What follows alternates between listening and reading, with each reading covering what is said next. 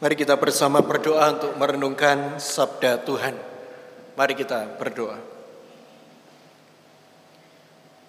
Sungguh benar ya Bapa bila mana saat ini kami meyakini bahwa Tuhan adalah sang sumber berkat kami.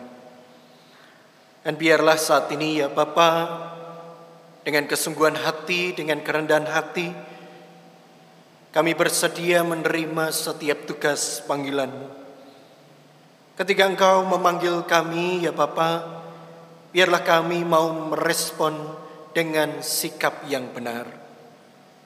Dan biarlah melalui roh kudusmu, iman kami juga semakin dikobarkan untuk kami bisa melangkah di dalam kehidupan kami. Oleh karena itu ya Bapak, biarlah saat ini kami juga merindukan tuntunan tangan Tuhan Biarlah sabdamu yang boleh memperlengkapi kami supaya kehidupan kami semakin diubahkan. Berfirmanlah ya Tuhan sebab kami anak-anakmu siap untuk mendengar dan melakukan. Amin. Jemaat Tuhan bacaan Injil Tuhan Yesus Kristus kita akan bersama menyimak dari Injil Matius pasalnya yang ke-14 ayatnya yang ke-13 hingga 21. Saya akan membacakan berdasarkan Alkitab terjemahan baru versi yang kedua tahun 2023. Setelah Yesus mendengar berita itu, menyingkirlah ia dari situ seorang diri dengan perahu ke tempat yang terpencil. Mendengar hal itu, orang banyak mengikuti dia dengan mengambil jalan darat dari kota-kota mereka. Ketika Yesus mendarat, ia melihat orang banyak yang besar jumlahnya. Tergeraklah hatinya oleh belas kasihan kepada mereka, dan ia menyembuhkan mereka yang sakit. Menjelang malam, murid-muridnya datang kepadanya dan berkata, "Tempat ini terpencil dan hari mulai malam. Suruhlah orang banyak itu pergi ke desa-desa supaya dapat membeli makanan bagi mereka sendiri. Yesus berkata kepada mereka, "Tidak perlu mereka pergi, kamu harus memberi mereka makan." Jawab mereka, "Yang ada pada kami di sini hanya lima roti dan dua ikan." Yesus berkata, "Bawalah kemari kepadaku." Lalu ia menyuruh orang banyak itu duduk di rumput. Setelah mengambil lima roti dan dua ikan itu, Yesus menengadah ke langit dan mengucap syukur. Ia memecah-mecahkan roti itu dan memberikannya kepada murid-muridnya. Lalu murid-muridnya memberikannya kepada orang banyak. Mereka semuanya makan sampai kenyang. Kemudian mereka mengumpulkan potongan-potongan roti yang tersisa sebanyak 12 bakul penuh. Yang makan kira-kira 5.000 laki-laki, belum termasuk perempuan dan anak-anak. Demikianlah Injil Tuhan kita Yesus Kristus, saudara dan saya adalah orang-orang yang berbahagia ketika kita mau membaca, merenungkan, dan melakukan sabda Tuhan dalam hidup sehari-hari. Haleluya.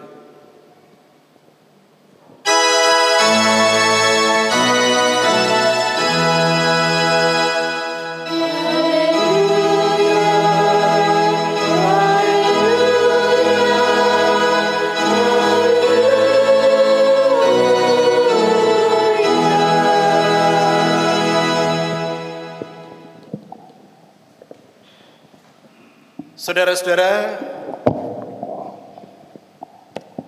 antara dua sikap ini, manakah yang paling sering kita lakukan? Antara pelit dan hemat, saudara-saudara, dua hal ini nampaknya sekilas sama, tujuannya sama, tetapi mereka adalah dua hal yang begitu berbeda. Keduanya, saudara-saudara, sama menekankan pengeluaran, ya, menekan pengeluaran, saudara. Namun perilaku yang dihasilkan bisa sangat berbeda. Dan kita perlu memahami perbedaan antara pelit dan hemat, saudara-saudara. Ya. Bila Bapak Ibu Saudara mencermati dengan jeli, maka dua sikap ini sangatlah berbeda jika dilihat dari fokusnya. Seorang yang pelit itu pasti berbicara tentang dirinya sendiri, saudara. Dia pasti melakukan segala sesuatu untuk melakukan ya, dan bahkan uh, supaya ia memperoleh keuntungan dari apa pun yang ia jaga itu atau ia simpan itu. Ya. Oleh karenanya sikap yang pertama, perbedaan yang pertama adalah biasanya orang-orang yang pelit itu pasti akan memendam setiap sumber daya atau bahkan mengurangi penggunaan sumber daya itu dalam rangka supaya harta dan sumber daya dia tidak berkurang. Nah, hal ini berbeda dengan hemat. Menjadi orang yang hemat, saudara-saudara, sebenarnya kita belajar juga meletakkan fokus kita bukan hanya pada diri kita sendiri, tetapi juga orang lain. Orang yang berhemat pasti eh, memikirkan sesuatu yang ada di luar dari dirinya. Entah itu orang lain atau karena tujuan nilai yang lain, yang baik, saudara. Oleh karenanya perbedaannya pasti adalah hemat itu berbicara tentang pengelolaan. Hemat itu berbicara tentang pemanfaatan sumber daya untuk kepentingan bukan hanya pribadi tetapi juga bersama, saudara. Orang yang pelit itu biasanya melakukan hitung-hitungan untuk membantu orang lain.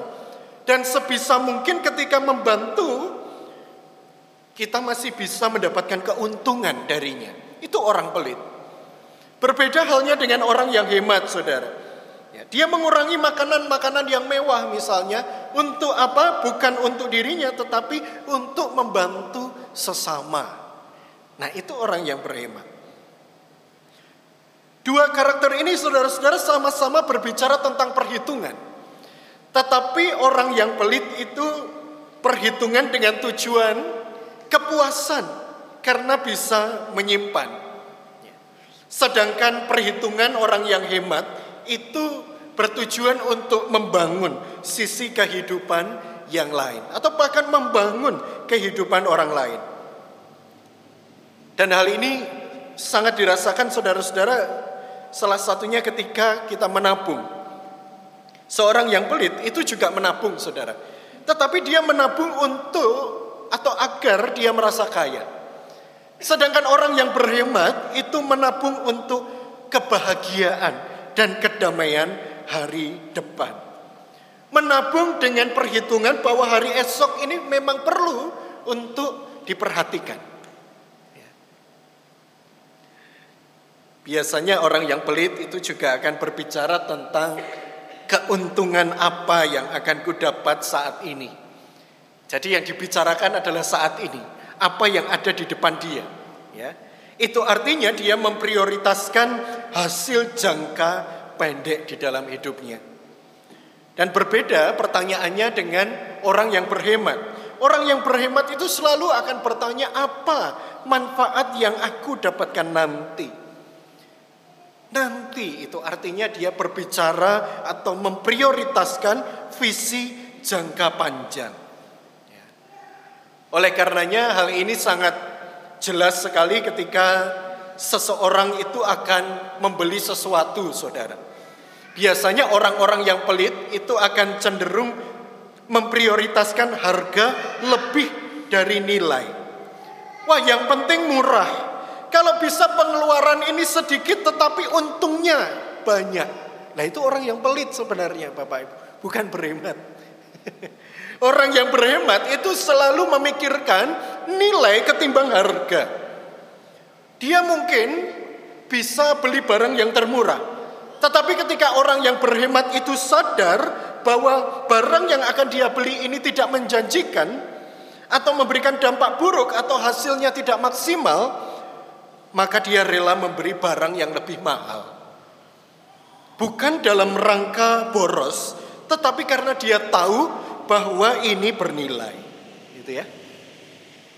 Dan inilah yang paling membedakan saudara-saudara. Ya, jadi orang yang berhemat itu Bukan tidak mungkin dia membeli barang mahal. Orang berhemat itu tetap bisa membeli barang yang mahal. Tetapi dia membelanjakan, menghabiskan uangnya itu untuk hal-hal yang penting. Ya, sebaliknya dia menghemat, mengurangi hal-hal yang sifatnya sepele. Lain halnya dengan orang yang pelit, saudara. Ini kebalikannya. Mereka membelanjakan, menghabiskan uangnya untuk hal-hal yang kurang berguna atau sepele dan malah mereka menghemat, mengurangi hal-hal yang sifatnya penting atau prinsip. Ya. Jadi sifatnya ini sangat berbeda. Ya, jadi bagi orang pelit pengeluaran itu harus ditekan, apa pun situasinya, apa pun konteks kehidupannya. Sedangkan orang yang berhemat pengeluarannya itu sesuai. Saya katakan sesuai. Sesuai itu berarti berbeda bisa satu dengan yang lain, kita saudara-saudara bisa berbeda satu dengan yang lain. Sesuai dengan situasi dan konteksnya. Ya. Ada banyak orang yang mengatakan bahwa mahal itu sama dengan boros. Nah, tapi sebenarnya ini ciri khas orang-orang yang pelit, Saudara. Karena mahal itu tidak selalu identik dengan boros. Ya. Mahal itu bagi orang yang pelit selalu dianggap sebagai pemborosan. Padahal di dunia ini saudara ada harga, ada rupa. Ya, kita tahu betul itu. Ya. Nah, berbeda halnya dengan orang-orang yang berhemat. Dia berpikir bahwa mahal itu sifatnya relatif, saudara. Ada orang mengatakan, kita mungkin mengatakan, wah pak, suami saya ini loh, si itu loh pak, Boros sekali, beli kamera mahalnya setengah mati. Padahal dia sadar hobi dari temannya atau suaminya ini atau pekerjaan dari suaminya ini adalah fotografer, saudara. ya, lah itu bukan boros namanya gitu ya. Nah ini yang yang saya maksudkan saudara-saudara. Ya. Mengapa demikian? Karena biasanya orang-orang yang pelit ini ya menolak menghabiskan uangnya karena apa? Karena dia merasa takut. Hidupnya tidak akan pernah cukup. Akibatnya apa? Dia akan mengorbankan kualitas waktu demi waktu. Berbeda halnya dengan orang yang berhemat. Ya. Dia memaksimalkan pengeluaran supaya mendapatkan nilai yang maksimal. Ya. Saya katakan memaksimalkan ini tidak sama dengan menghabiskan, saudara. Memaksimalkan ini berarti kita tahu titik tertinggi kita. Ini titik cukup saya, oke. Okay. Begitu. Ya. Dan orang-orang yang pelit biasanya ini ada karakter yang lain Saudara. Biasanya orang-orang yang pelit tidak akan memikirkan dampak buruk dari penghematan yang ia lakukan. Karena prioritas orang yang pelit itu meminimalkan pengeluaran Saudara demi kepentingan mereka sendiri, maka biasanya mereka juga tidak akan menyadari bahwa pilihan atau keputusan hidupnya itu berdampak bagi kehidupan orang lain. Tanpa sadar keputusan berhemat kita itu juga sering kali membebani kehidupan orang lain. Saudara. Atas nama berhemat orang lain jadi susah. Gak apa-apa orang susah deh. Yang penting kita untung, yang penting kita hemat. Gitu ya. Nah inilah yang membedakan dengan orang yang berhemat. Dia akan memikirkan dampak buruk dari penghematan yang ia lakukan, khususnya kepada orang lain.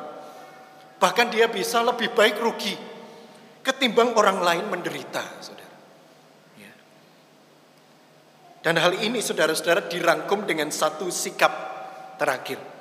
Bahwa orang-orang yang pelit itu, orang bisa menjadi pelit itu karena apa saudara? Karena mentalitasnya itu miskin. Dia selalu merasa kurang-kurang dan kurang. Akibatnya apa? Dia akan iri kepada orang lain. Dia akan tidak bijaksana kepada dirinya atau dalam kehidupannya. Dan bahkan dia tidak mengalami kebahagiaan. Berbeda dengan orang yang berhemat yang merasa cukup dan bersyukur dengan apa yang mereka miliki, saudara. Ya. Kadang ada orang yang merasa kurang tetapi sekali sekalinya ketiban rezeki nomplok langsung dihabiskan saudara. Ada tuh orang yang seperti itu. Ya. Tidak bijaksana saudara. Dan kita dipanggil tentunya kita harus menjadi orang-orang yang berhemat. Mengelola setiap berkat Tuhan itu dengan bijaksana. Ya. Nah, saudaraku yang saya kasih dalam Kristus Yesus, dalam bacaan kita hari ini, kita melihat apa yang dilakukan Tuhan dan para muridnya ketika mereka melihat banyak orang yang mengalami kelaparan. Mereka ini adalah orang-orang yang rindu mendengarkan khotbah, rindu hidupnya menjadi lebih baik sehingga mereka mengikut Tuhan. Dan kerinduan yang besar ini nampak sekali saudara-saudara ketika di dalam cerita kita Yesus ini diceritakan dia sedang menyingkir ke tempat lain.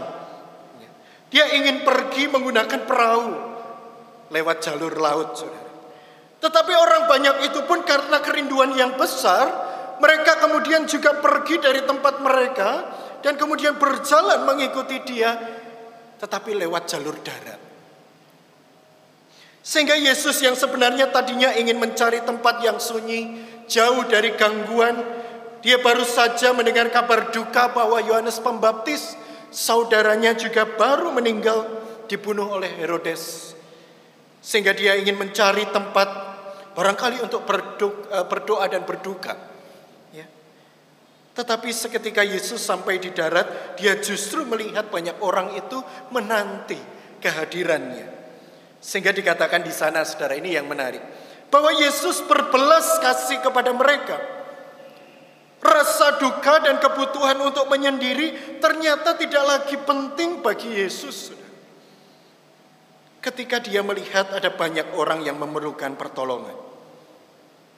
Di dalam kehidupan ini Bukankah kita juga sering kali berjumpa dengan orang-orang yang demikian, layaknya Yesus?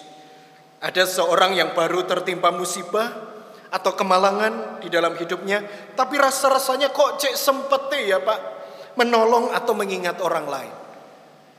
Wah Pak dia ini baru saja kesusahan loh Pak, tapi kok ya masih ingat sama orang lain. Wah itu luar biasa. Ya. Belas kasih dan bela rasa, compassion itu selalu memampukan seseorang melakukan, memperjuangkan perbuatan yang baik, bahkan ketika dia menderita. Itu yang membedakan. Nah, bagaimana dengan para murid, saudara? Ternyata sikap mereka ini berbeda dengan gurunya. Ketika menjelang malam, saudara, justru para murid itu mengatakan pada gurunya, tempat ini begitu sunyi dan hari sudah mulai malam, Tuhan. Suruhlah orang banyak itu pergi supaya mereka membeli makanan di desa-desa.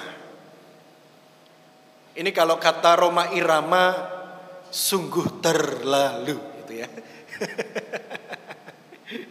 nah, kita lihat saudara-saudara, kita perhatikan sikap para murid yang terlalu itu. Yang pertama bahwa ketika mereka melihat sebenarnya hari sudah begitu malam, mereka justru malah meminta Tuhan Yesus menyuruh Orang banyak itu pergi. Sedangkan mereka tahu situasi malam kala itu berbeda dengan sekarang, saudara. Penerangan tentu berbeda dengan sekarang. Mereka juga berada di tempat tersembunyi yang jauh dari rumah mereka masing-masing. Dan ini, sikap ini saudara, ini menunjukkan ketidakramahan para murid Yesus kepada orang banyak. Ya. Mestinya para murid itu memberikan layanan yang terbaik pada mereka dengan menyiapkan tempat berteduh yang nyaman sehingga mereka beristirahat, tetapi sikap mereka justru sebaliknya. Mereka meminta Tuhan Yesus mengusir mereka yang datang. Mereka yang seharusnya ditolong malah diusir, Saudara. Dan sikap terlalu yang kedua, Saudara, adalah ketika mereka meminta Tuhan Yesus agar orang-orang yang mengikuti perjalanan itu membeli makanan di desa-desa. Bahkan di dalam Alkitab terjemahan baru ini dengan begitu jelas saudara-saudara ya, disuruh untuk membeli ya bagi diri mereka sendiri. Saudara. Ini sikap yang keterlaluan. Di mana para murid ternyata juga tidak memperhatikan bagaimana kondisi orang-orang itu. Padahal mereka tahu bahwa orang-orang yang mengikuti Yesus ini bukanlah orang-orang yang punya uang. Mereka adalah orang-orang yang tertindas, orang-orang yang miskin, para perempuan yang sakit, yang lemah, bahkan anak-anak dan orang-orang lanjut usia, Saudara. Jadi bisa dibayangkan kalau mereka harus pergi ke desa-desa pada waktu malam dan harus membeli mereka sendiri bagi makan uh, bagi mereka sendiri, Saudara. Maka Tuhan Yesus pada waktu itu mengatakan, "Tidak perlu mereka pergi. Kamu harus memberi mereka makan." Lihat saudara. Mungkin kita ketika kita mendengarkan kisah lima roti dan dua ikan ini yang kita ingat adalah musisatnya saudara. Tetapi kita melupakan satu hal bahwa di sana ada perintah yang diberikan oleh Tuhan Yesus. Ya, tidak perlu mereka pergi, kamu harus memberi mereka makan. Ya.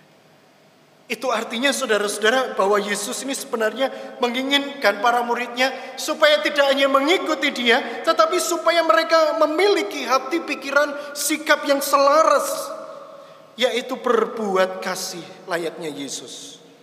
Ya. Tindakan para murid ini membuktikan saudara bahwa mereka hanya ingin mendapatkan, namun lupa untuk berbagi. Ya.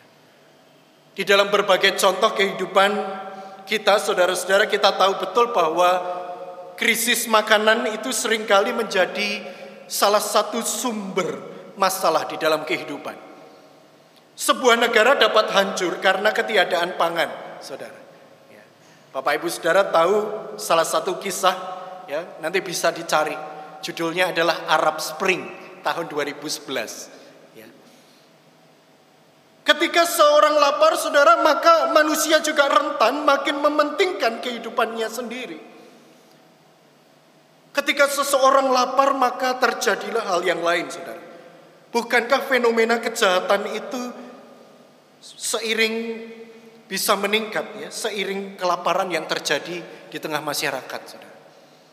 Itulah mengapa situasi kritis itu selalu perlu kita jawab sebagai gereja. Itulah mengapa ketika kita pandemi yang lalu saudara kita tetap melakukan diakonia itu. Ketika banyak orang memikirkan dirinya, gereja mengajarkan untuk mementingkan kehidupan orang lain. Bukankah itu juga yang diajarkan oleh Yesus di dalam doa Bapa kami?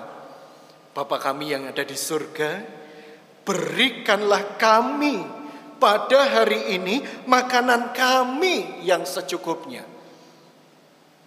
Dia tidak berbicara tentang saya, saudara. Itu artinya kita perlu berdoa untuk makanan yang tidak perlu, eh, yang tidak hanya cukup bagi diri kita sendiri, saudara, tetapi juga cukup bagi kehidupan orang lain di dalam kehidupan ini. Dan sikap terlalu yang ketiga adalah ternyata para murid Yesus itu punya makanan. Ketika Tuhan Yesus mengatakan kamu harus memberi mereka makanan, mereka menjawab, yang kami punya di sini hanya lima roti dan dua ikan. Pada awalnya saudara-saudara respon para murid Yesus ini nampak baik di mata kita sebagai pembaca. Para murid realistis kok. Ya. Bukankah kita diajarkan untuk fokus dengan apa yang kita miliki, bukan apa yang tidak kita miliki. Mereka jujur dalam hal ini. Tetapi bagi Yesus, saudara, jawaban ini tidak cukup. Jawaban ini tidak sepenuhnya benar. Mengapa, saudara? Mari kita perhatikan dengan lebih seksama. Para murid mengatakan apa, saudara? Yang ada pada kami hanya lima roti dan dua ikan. Hanya itu sering kali kita gunakan untuk apa, saudara? Untuk mengecilkan mengerdilkan, ya toh? Untuk mengatakan bahwa kita tidak punya apa-apa. Kita hanya punya lima roti dan dua ikan. Kalau dalam bahasa Inggris lebih jelas lagi saudara. Five, small, kecil. Ya. Small fish, small loaves. Ya. Apa artinya sumber daya sekecil ini? Tanpa sadar kita mudah sekali meremehkan apa yang kita miliki di dalam hidup ini. Bukankah sikap realistis itu terkadang menyeret kita pada ketidakpercayaan kita pada Tuhan? Berapa kali kita seakan bersikap realistis, tapi sebenarnya itu mengungkapkan ketidakpercayaan kita pada Tuhan. Berapa kali kita seakan bersikap realistis, tapi sebenarnya kita tidak percaya bahwa Tuhan itu berkuasa dan mampu melakukan sesuatu yang lebih bagi hidup kita. Sikap realistis semacam ini justru biasanya akan membawa kita pada pementingan diri sendiri, Saudara. Dan para murid Yesus bukan tidak punya apa-apa loh, Saudara. Mereka punya, tetapi mereka simpan bagi diri mereka sendiri. Mereka tidak mau berbagi karena apa? Karena jika dibagikan, maka apa yang saya miliki ini akan habis. Dan saya akan rugi. Kalau sudah punya, jangan dibagikan. Sebab rugi. Itu matematika dunia. Kalaupun membagi pun harus lihat-lihat. Dalam hitung-hitungan matematika dunia saudara, berbagi itu harus mendapatkan untung. Maka kalau berbagi, berbagilah kepada mereka yang dekat denganmu. Seperti saudara, kakak, adik, yang berpotensi mendatangkan untung bagi kita. Dan tentu hal ini tidak akan membawa kebahagiaan bagi kita, saudara. Dan lihat apa yang dilakukan, saudara. Terhadap apa yang nampak kecil di mata manusia itu, Yesus memerintahkan apa kepada para muridnya? Bawalah kemari kepadaku. Terkadang kita sebagai manusia enggan memberi kepada Tuhan karena kita merasa bahwa apa yang kita berikan itu kurang. Tidak layak di hadapan Tuhan, tidak cukup bagi Tuhan. Lalu kita merasa kecil hati dan bahkan malah berpikir, sudahlah lebih baik kita tidak usah melakukan apa-apa. Kita tidak perlu memberi sekalian. Ya. Karena saya kurang, karena saya hanya begini dan begitu, sudahlah biar orang lain saja. Tidak usah melakukan apa-apa saya ini. Dari sini kita belajar saudara bahwa sumber daya yang kecil bila diberikan dan dipersembahkan kepada Tuhan dengan benar maka itu akan mendatangkan manfaat bagi hidup ini. Dan itulah yang diajarkan saudara. Setelah semuanya diserahkan, ia menengadah ke langit dan mengucapkan berkat, saudara. Ya. Lalu memecah-mecahkan roti itu, membagikannya kepada para murid. Bahkan sisa 12 bakul. Nah, hikmat apa yang bisa kita ambil dari sini, saudara-saudara? Ya, kalau kita tadi telah belajar sekian banyak hal ini.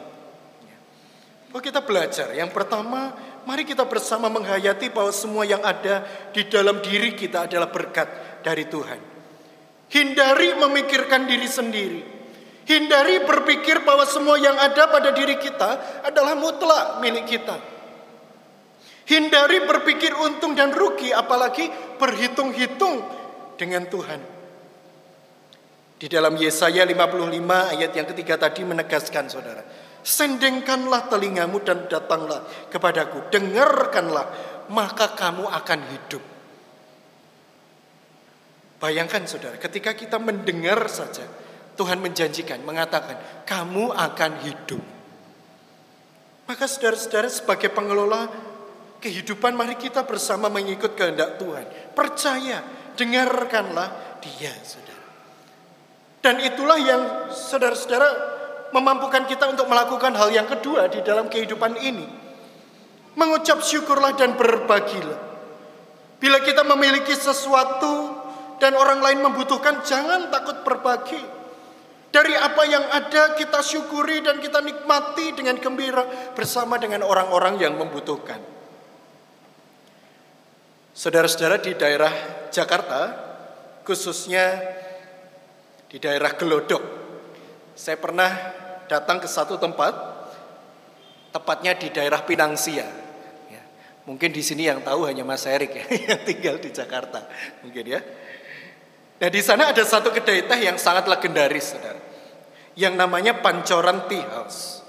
Yang saya bicarakan kali ini bukan bagaimana rasa tehnya, saudara, karena pasti enak. Ya, teh yang turun temurun racikan, wah itu luar biasa enak biasanya. Tetapi kedai ini saudara-saudara punya sejarah yang luar biasa baik.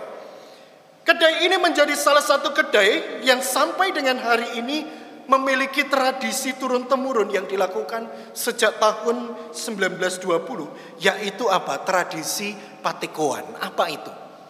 Patekoan itu adalah sebuah tradisi jamuan teh gratis bagi orang asing atau masyarakat asing.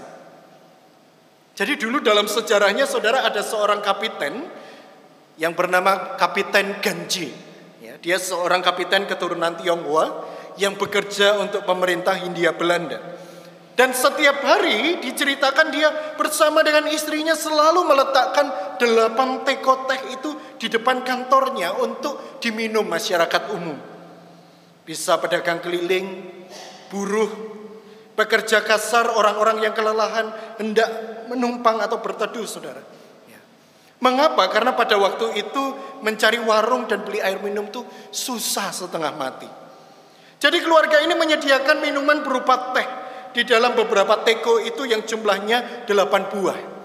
Itulah mengapa dinamakan tradisi patekoan. Pat itu artinya delapan. Teko, ya, tempat air, teko. Ya. Dan tradisi patekoan ini memiliki makna solidaritas keberagaman antar masyarakat, kepedulian kepada orang yang asing. Nah ini yang bisa kita contoh, contoh kecil saudara. Ya, tetapi ternyata menjadi tradisi yang hampir Ya bahkan sudah bertahan 100 tahun saudara. Ya.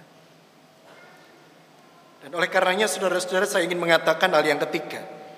Mari kita percayakan hidup kita kepada Sang Allah itu sendiri yang menjadi pengasih dan penyayang.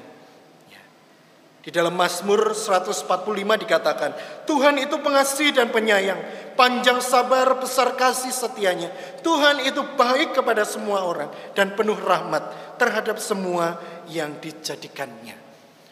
Percayalah bahwa saudara dan saya begitu dikasihi oleh Tuhan.